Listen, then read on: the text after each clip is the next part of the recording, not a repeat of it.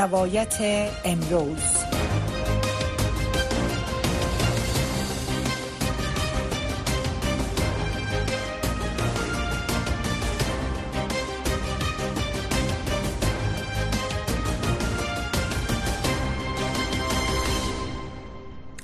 سلام شنونده های گرامی خوش آمدین به برنامه روایت امروز برنامه از رادیو آشنا صدای امریکا از واشنگتن. من محمد احمدی هستم.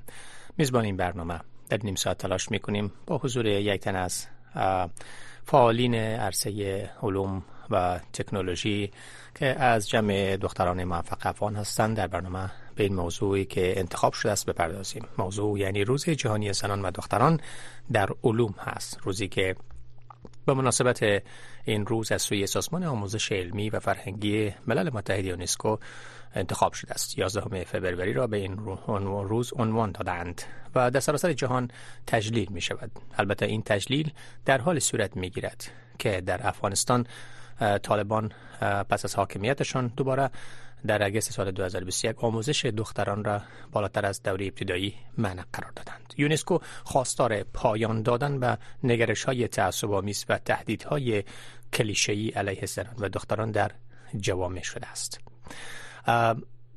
بنابر ادعای برخی از فعالان حامی زنان حکومت طالبان برخی از فعالان مدنی را به اتهام ارتباط با تیم دختران روباتیک که در خارج از افغانستان هستند فعالیت می‌کنند بازداشت و زندانی کردند. همه این سرکوبی ها و ممنوعیت بر فعالیت زنان و دختران و همچنین آموزش و اشتغال و آزادی های اجتماعی آنها در حال صورت می گیرد که ملل متحد تأکید بر آموزش به ویژه فراهم کردن زمینه های علمی به دختران در افغانستان را دارد. در روایت امروز تلاش می‌کنیم با خانم سمیه فاروقی کاپیتان پیشین تیم دختران روباتیک افغانستان صحبت بکنیم که البته پلیسر برنامه اشاره می‌کنن تا به حال تلفنشان در استودیو وصل نیستن اما ما در لابلای برنامه تلاش می‌کنیم تا اونا را با خود داشته باشیم. قسمی که هم شما هم اطلاع دارین که در شرایط فعلی در حکومت که حاکمیت طالبا هست ممنوعیت بر تحصیل و آموزش دختران به صورت گسترده در بیش از یک یا دو سال گذشته همچنان ادامه دارد. جامعه جهانی نهادهای حقوق بشر نهادهای فعالین حقوق زنان به ویژه در راستای این حق خواهی و آزادی خواهی حقوق زنان فعالیت های زیادی را انجام دادند. نشست ها و تظاهرات و گرد همایی های زیادی برگزار شده است. اما تا به حال طالبان هنوز هیچ نوع تغییر در تصمیم خود بر احکام ممنوعیت خود وضع نکردند. البته نهادهای بین المللی بر این باور هستند که زمینه فراهم کردن زمینه آموزش بر دختران می‌تونه باعث رشد اقتصادی و همچنین پیشرفت جامعه شود. البته این مسائل هم مسائلی است که زنان و دختران در افغانستان در طی بیشتر از دو دهه گذشته در دوره جمهوریت دست به موفقیت های زیادی دست یافتند در زمینه های علمی در زمینه های آموزشی و در زمینه های اشتغال و در زمینه های اقتصاد تکنولوژی همه دست به پیشرفت های داشتند. حتی در زمینه های خارج از در زمینه های علوم مثل ورزش و سایر مسائل. بسیاری از تحلیلگران بر این باور هستند و به ویژه فعالین حقوق زنان که اگر فرصت های اجتماعی برابر و فرصت های مناسب به اون در اختیار اونها قرار بگیره اونا می‌تونن که در رشد و شگفتانی جامعه افغانستان سهم به سزایی بگیرند. پیش از این که به موضوع بپردازیم توجه بفرمایید به خلاصه از خبرهای افغانستان جهان و بعد ادامه میدیم با صحبت های مهمان و بررسی برنامه. توجه فرمایید به اخبار افغانستان منطقه و جهان از رادیو آشنا صدای امریکا. من احد عزیزاده هستم. نهاد آموزشی علمی و فرهنگی سازمان ملل متحد یونسکو 11 فوریه را به عنوان روز جهانی زنان و دختران در ساینس در سراسر جهان در حال تجلیل می کند که دختران در افغانستان از آموزش محرومند.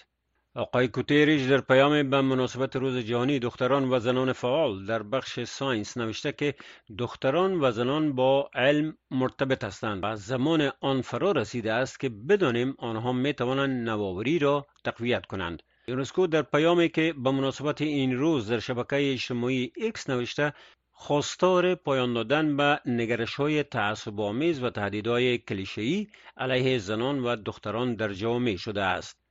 دفتر هماهنگی امور کمک های بشری سازمان ملل متحد اوچا روز یک شنبه 11 فوریه در شبکه اجتماعی ایکس نقش زنان و دختران را در science، تکنولوژی و نوآوری مهم خواند. ریچارد بنت گزارشگر خاص سازمان ملل متحد در امور حقوق بشر می‌گوید کسانی باید پاسخگو قرار داده شوند که در دستگیری های زنان و دختران و زیر نام های مختلف دست دارند. ریچارد بنت گزارشگر ویژه سازمان ملل متحد برای حقوق بشر در افغانستان در یک بحث روز شنبه گفت که گزارش تازه در مورد افغانستان به تاریخ 29 فوریه منتشر خواهد شد که در آن وضعیت حقوق بشر در افغانستان در مجموع ارزیابی و بررسی شده است.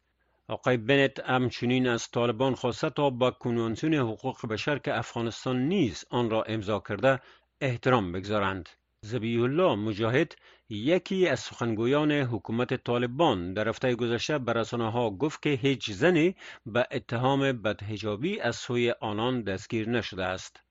عبدالغنی برادر معاون اقتصادی ریاست الوزرای حکومت طالبان می‌گوید که هنوز شماری از بانک ها در افغانستان مشکل نقدینگی دارند دفتر مطبوعاتی معاونیت اقتصادی ریاست الوزرای حکومت طالبان امروز یک شنبه 11 فوریه با نشر اعلامیه گفت که شورای عالی اقتصادی کمیته ثبات مالی و سهامداران بانک های مجاز دومین جلسه اش را برگزار کرد.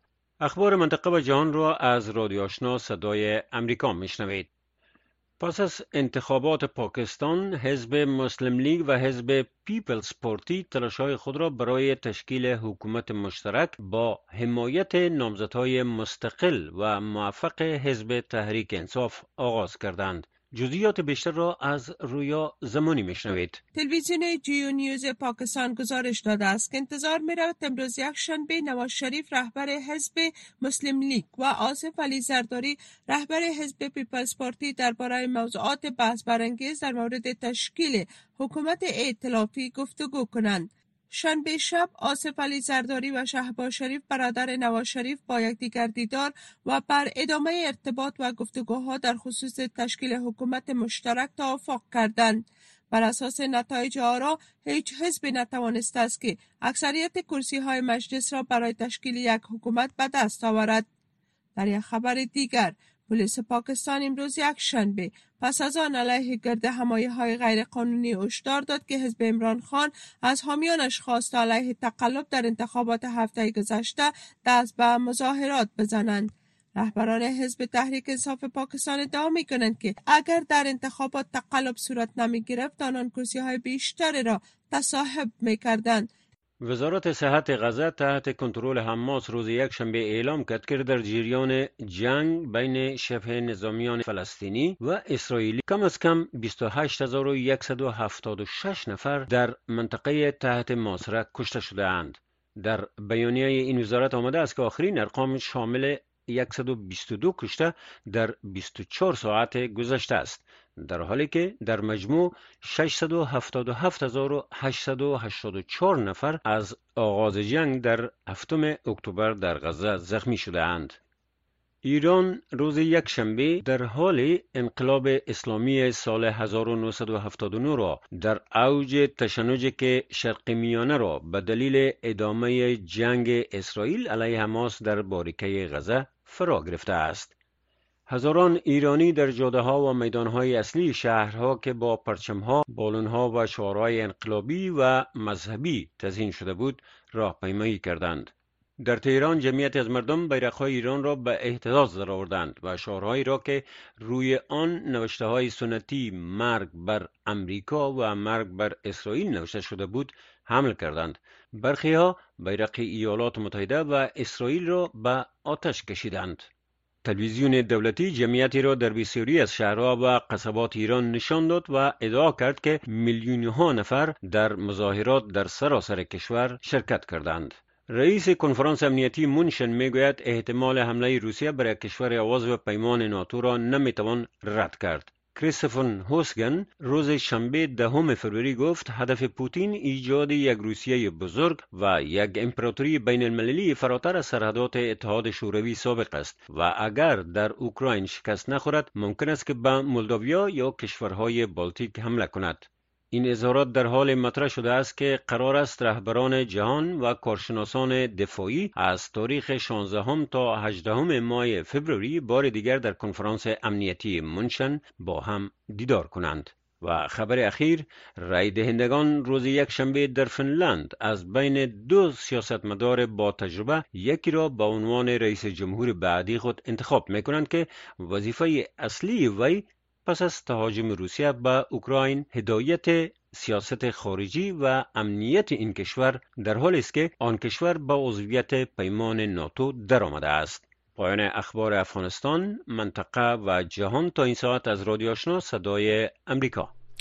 با سپاس از همراهی شما با خبرهای افغانستان جهان از رادیو آشنا صدای آمریکا بال می‌پردازیم به ادامه برنامه روایت امروز با بحثی که انتخاب شده است. قسمی که در ابتدای برنامه هم معرفی کردم. روز جهانی زنان و دختران در علوم هست که از طرف سازمان آموزشی علمی و فرهنگی ملل متحد یونسکو 11 فبروری به این عنوان اعلام شده است. البته قسمی که در ابتدای برنامه هم ذکر شد این روز در حالی در سراسر جهان تجلیل می شود که با آغاز حاکمیت دوباره طالبان ممنوعیت گسترده بر آموزش دختران بالاتر از دوره ابتدایی وضع شده است و دختران علاوه بر ممنوعیت بر آموزش در دوران مکتب متوسطه و لیسه و دانشگاه از کار فعالیت های اجتماعی گسترده و همچنین آزادی های بیرون از منزل بسیار قید و یا با ممنوعیت مواجه شدند. اعتراضات گسترده ای از زنان در حمایت از حقوقشان در برای آزادی هایشان در سراسر افغانستان و خارج افغانستان برگزار کردن نهادهای حقوق بشری ملل متحد هم خواستار کاهش این یا از بین رفتن این سرکوبی ها برای آزادی های زنان شده است. اما طالبان همچنان اصرار دارند بر احکام شریعت اسلامی و همچنان بر قیودات و سخیری هایی که تا به حال بر روی زنان داشتن همچنان اصرار دارند. در این میان در طی بیشتر از دو دهه گذشته در دوره جمهوریت تیم دختران روباتیک افغانستان در عرصه تکنولوژی، علوم و فناوری و اختراعات و نوآوری های خود توانستند به موفقیت های چشمگیری نایل شوند. در مسابقات مختلف بین المللی به ویژه در کشورهای غربی و ایالات متحده شرکت کردند و پس از آغاز حاکمیت دوباره طالبان این گروه با تهدیدهای مواجه بودند و افغانستان را ترک کردند و حتی بعد از ترکشان از افغانستان هم برخی از افرادی که وابسته به این گروه بودند تحت مزاحمت و اذیت قرار گرفتند. اما آنچه که بسیار مهم هست در برنامه امروز می‌خوایم صحبت بکنیم این که نقش فرصت ها و آزادی ها برای پیشرفت دختران در عرصه تکنولوژی، علوم و همچنین نوآوری چی هست؟ نمونه های بارزی از پیشرفت زنان و دختران در کشورهای مختلف وجود دارد.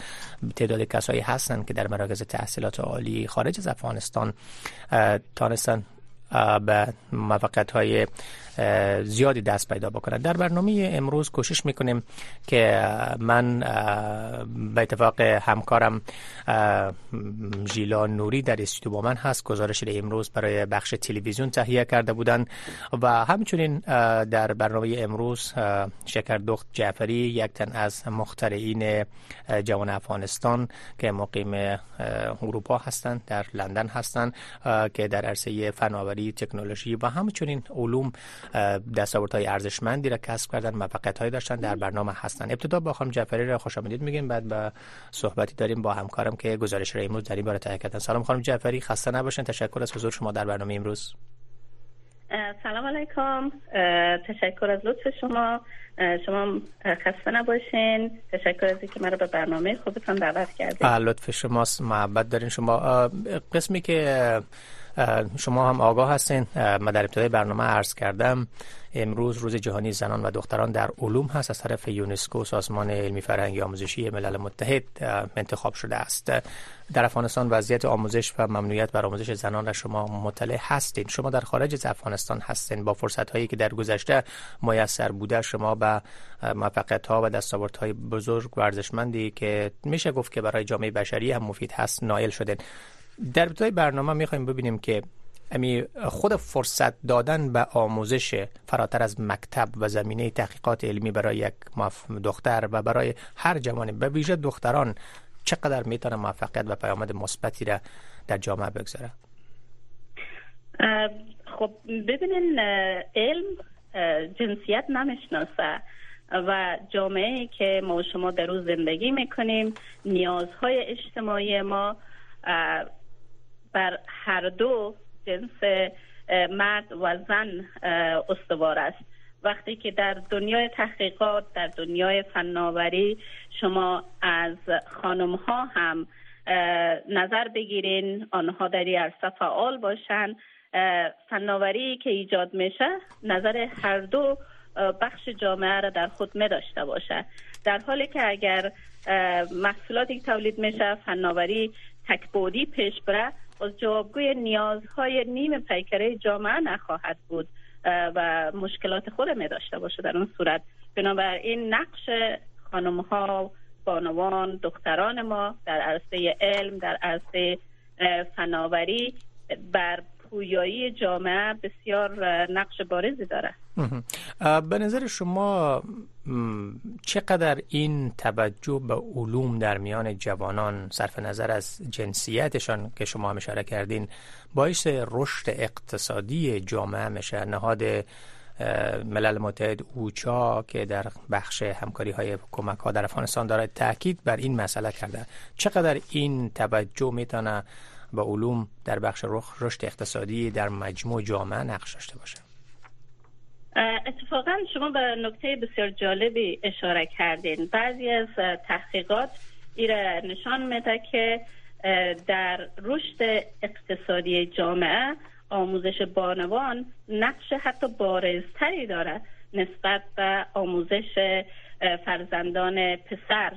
چرا که در فرهنگی که فعلا در جامعه ما و در اکثر جوامع دنیا حاکم است خانم ها مدیریت کننده خانواده هستند و مسئولیت آموزش فرزندانشان را هم بر عهده دارند و وقتی که یک خانم تحصیل کرده باشه و مخصوصا در بخش علوم و فناوری در او بخش تخصصی داشته باشه فرزندان بسیار با تحصیلات بهتر و با سویه بالاتری را به جامعه ارائه میده. و هر چقدر شما در جامعه نیروی متخصص بیشتری داشته باشین کارآفرین بیشتری داشته باشین اما قدر از لحاظ اقتصادی جامعه پیش میره. بله. قسمی که در ابتدای برنامه هم اشاره کردم خانم جعفری همکارم ژیلا نوری در برنامه در این بحث با من هست در استودیو. امروز اینا گزارشی را تهیه کردن. مطالعات بیشتر در مورد واکنش جامعه جهانی البته ملل متحد در این باره داشتن. ژیلا شما امروز گزارشی را تهیه کرده. نهادهای مختلف از جمله اوچا یونسکو و یونیسف ظاهرا معلوماتی رو داشتن. فعلا در گزارشی که شما کار کردن وضعیت دختران در قسمت فرصت های آموزشی با چه مشکلاتی مواجه هستند؟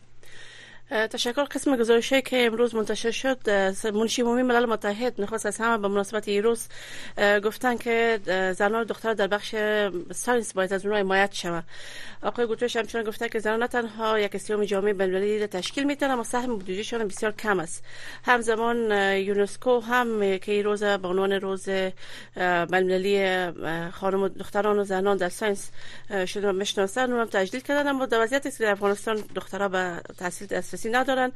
اداره هماهنگ کننده کمک های بشری ملل متحد اوچا با یادآوری از روز جهانی دخترها و زنان در science نوشته که دسترسی مساوی زنان و دخترها در science برای رشد اقتصاد و پیشرفت کشور کمک می‌کنه. و در ضمن در مورد مشکلاتی که در عرصه تکنولوژی و دسترسی دخترها به تکنولوژی وجود داره هم گزارش مفصل نوشتن. اما ما در ارتباط از این مسئله می‌خواستم از خانم جعفری یک سوال کنم که بله. نظر اینا در مورد توازن حضور زنا و مردا در عرصه تکنولوژی در بخش تکنولوژی در چه حد است؟ تا جایی که می‌بینیم این بخش تکنولوژی یک کمک خانم‌ها دور ماندن با نه تنها افغانستان بلکه در سایر کشورها. می‌تونیم از خانم جعفری بشنویم در این مورد. بله پرسش مهم است. مهربانی. بله متاسفانه این عدم توازن نه تنها در کشور ما بلکه حتی در پیشرفته ترین جوامع دنیا دمی بریتانیا که من زندگی می‌کنم هم ما شاهد هستیم. مثلا دمی بخش فیزیک که تخصص خود من هست اگر آمار بتوم در بریتانیا 20 فیصد دختران سمت رشته فیزیک میرن. یعنی شما سر سنف فیزیک در دانشگاه برین معمولا 20 فیصد دخترها را تشکیل میده. همچنین در بخش انجینیری. و این هنوز برمیگرده به مو بستر جامعه که یک طفل از اوان کودکی ما چطور تربیه می‌کنیم. و وقتی که بستر خانواده از امو کودکی طفل میگه که مثلا انجینیری یا فیزیک از بچه است. برای دختر معلمی خوب است و پرستاری خوب است. فرزن باز امید ذهن اولاد تو حک میشه و خود دمو نقشی که پدر مادر بیشتر برش گفتن می‌بینه. البته داریم کسایی را که سنت شکنی هم می‌کنن اما پرورش خانواده بسیار رول داره در مسیر آینده ای که اولادا قدم می‌گذارن. و خب اوضاع طبعا بسیار بدتر است. وقتی که ما افغانستان می‌بینیم یا کشورهای دیگه ای که این عدم توازن نظر به فرهنگ و مذهبی که در جامعه وجود داره بیشتر رقم می‌زنه. نکته مهمی رو اشاره کردن خانم جعفری این بحث سنتگرایی و تاثیرش بر رشد علمی دختران به ویژه یک امری است که همونطور شما اشاره کردین حتی در کشورهای پیشرفته جهان هم محرز است. به نظر شما مشخصا در مورد افغانستان اگر صحبت بکنیم بحث سنتگرایی بحث اعتقادات بحث احکام یا شریعت اسلامی از یک سو حاکمیتی که در برقرار است در افغانستان از یک سو چگونه میشه در این نوع جوامع به نظر شما شما که تجربه زندگی در افغانستان تجربه بزرگ شدن در این نوع جامعه را داشتن اما سنت شکنی کردین و حالا به دستاورد علمی بزرگی را که در سطح جهان و نحوه سپاسگزارش هست شما دست پیدا کردن به نظر شما کسایی که حالا این شنونده این برنامه هستند شما چه به توصیه به خانواده ها و اینها دارین؟ چگونه اینا می‌توانن از این لاک یا پوشش محافظه کاری یا سنتی خود بیرون شوند؟ ببینین از دید ما ما در چندین سویه نیاز به تغییر داریم. باید ببینیم که سرچشمه از کجا گلالود است. مثلا جایی که خود من رشد کردم قریه که دو به دنیا آمدم مردم بیشتر طرف امام الله امام مسجد خود می‌دیدن. امام جمعش هرچی که می‌گفت مردم امو را قبول داشتن. پس ما باید اصلاحات از پیشوایان دینی شروع بکنیم. در جوامعی که بیشتر مذهبگرا هستند. اگر جوامعی را می‌گوییم که بخشهایی از کشور که بیشتر باز جدای از مذهب سنتگرا هستند خب در مکاتب باید آموزش بیشتری داده شود برای معلمین. از معلمین گرفته تا به شاگردان. چون وقتی معلمی خودش فکر می‌کنه که فرزن علوم و صنعت قدر بچه ها می‌خورن دخترها. او امور به شاگرد خود انتقال میده و باید اصلاح از او جهت صورت بگیره. و ما امی مسائل حتی بگم در بریتانیا هم من می‌بینم. به عنوان مثال دختر من می‌خواست کامپیوتر ساینس یکی از موضوعاتی باشه که در دبیرستان می‌خوانه برداره اما فقط برای پسرها وجود داشت نه برای دخترها. و این بسیار برای من جالب بود که حتی در چنین جامعه ای در یک مدرسه چنین چیزی وجود داره. خب یک بحث دیگه هم که وجود داره این تعصبات هست. شما بهش اشاره کردین که تنها برای دختران هست. نکته مهمی هست. اگر بخوایم که ظرفیت دختران را از لحاظ جذب و از لحاظ بازدهی این نوع یادگیری تخصص علمی بدانیم به نظر شما چی است؟ شما که متخصص در بخش فیزیک هستین. یعنی میشه گفت که فراتر از جنسیت این دانش می‌تونه به اصطلاح یاد گرفته شود و اعمال شود. به نظر شما چطور تعریف می‌کنین این به اصطلاح متفاوت نبودن که هر توانایی بستگی به استعداد بستگی به علاقه افراد داره؟ فکر می‌کنم در شرایط فعلی که بر جامعه حاکم است الگو سازی و دادن الگوهای مناسب به دختران ما یکی از موثرترین راه ها باشه. وقتی که اونها ببینن مثلا برای من هیچ عیبی نبوده که من فیزیک بخوانم وارد ای عرصه شوم و من تانستم پس اونها هم می‌توانند. برای از اونها هم مشکلی نخواهد بود. که برایشان نشان داده شود. برای خانواده همچنین پروگرام های تلویزیونی رادیویی در عرصه فرهنگی باید ایره برای خانواده ها نشان بده. هر چقدر مردم ببینن بشنون اما قدر ذهنشان بازتر میشه در این زمینه. خب یک بحث دیگه هم این هست که شما نکته مهم رو اشاره کردین که اگر این جوانان و این دختران در افغانستان بخواین گرایش به طرف علوم داشته باشن. وقتی علوم میگیم علوم در بخش های مختلف هست. شیمی کیمیا فیزیک و هر موضوع دیگه بیولوژی هست. میشه که یک بخش از اینها به نمونه های بارزی از اشتغال زایی به آینده حوزه های کاریشان باشه. به عنوان مثال شاید خیلی ها بگن که اگر من در این رشته درس می‌خوانم ممکن زمینه کاری نباشه. به نظر شما چگونه میشه به اصطلاح زمینه های کاری را برای دختران به اصطلاح تبلیغ کرد یا به عبارت دیگر آگاهی دهی داد؟ ببینیم در این طور موارد هم باز هم به نظر من نشان دادن الگوها برایشان مهم است. مثلا در مکاتب دعوت شود. از کسایی که شغلهای مرتبط دارند تا بیایه و برای معسلین برای شاگردان در مورد شغل خود حرف بزنه. مخصوصا شغل هایی که زیاد مردم ازش اطلاع ندارن و جوانان ما نمی‌فهمن که فرزن کسی که فیزیک می‌خوانه فقط معلم فیزیک نمیشه. او می‌تونه بره در بخش های بسیار متفاوتی ادامه تحصیل بده و یا کار بکنه و ای افرادی که در او بخش ها مصروف کار هستن از اونا دعوت به عمل بیایه که بیاین و خود معرفی بکنن در مورد شغلشان حرف بزنن در مورد واقعیت های امر چنین شغلی بیاین بگوین برای دختران ما تا آنها آگاه شوند. فعلا برداشت ها بسیار کلیشه است. ما حتی در اقوام خود می‌بینم مثلا ما داشتیم موردی که دختر قوم ما در رشته فیزیک کامیاب شده بود. برای من میگه که من چون فیزیک کامیاب شدم می‌خوایم که این رشته را ترک بکنم و دوباره کنکور بدم. چرا که من نمی‌خوایم معلم شدم تشکر از شکر دخت جعفری. بله تشکر. خانم جعفری که مهمان ما بودید با ما صحبت کردید ممنونتان واسه روز جهانی زنها در ساینس و تکنولوژی و شان تبریک باشه امیدوارم که موضوعات که بحث کردیم موضوع علاقه شما قرار گرفته باشه. تشکر از همکارم ژیلا نوری که در برنامه با من بودن و همچنین تشکر مجدد از خانم شکردخت جعفری از متخصصین و پیشگامان عرصه فیزیک زنان در خارج از کشور. با سپاس از همراهی شما که در برنامه روایت امروز با ما همراه بودین. لحظات بعد برنامه صدای شماست. در صفحه از این رادیو نشر میشه. شماره تماس با برنامه 001 202 980 62 80 حفیظ آس البته همکاران زیبا خادم و فوزی احسان میزبان این برنامه هستن. از حضور شما من مرخص میشم. موفق و کامیاب باشید.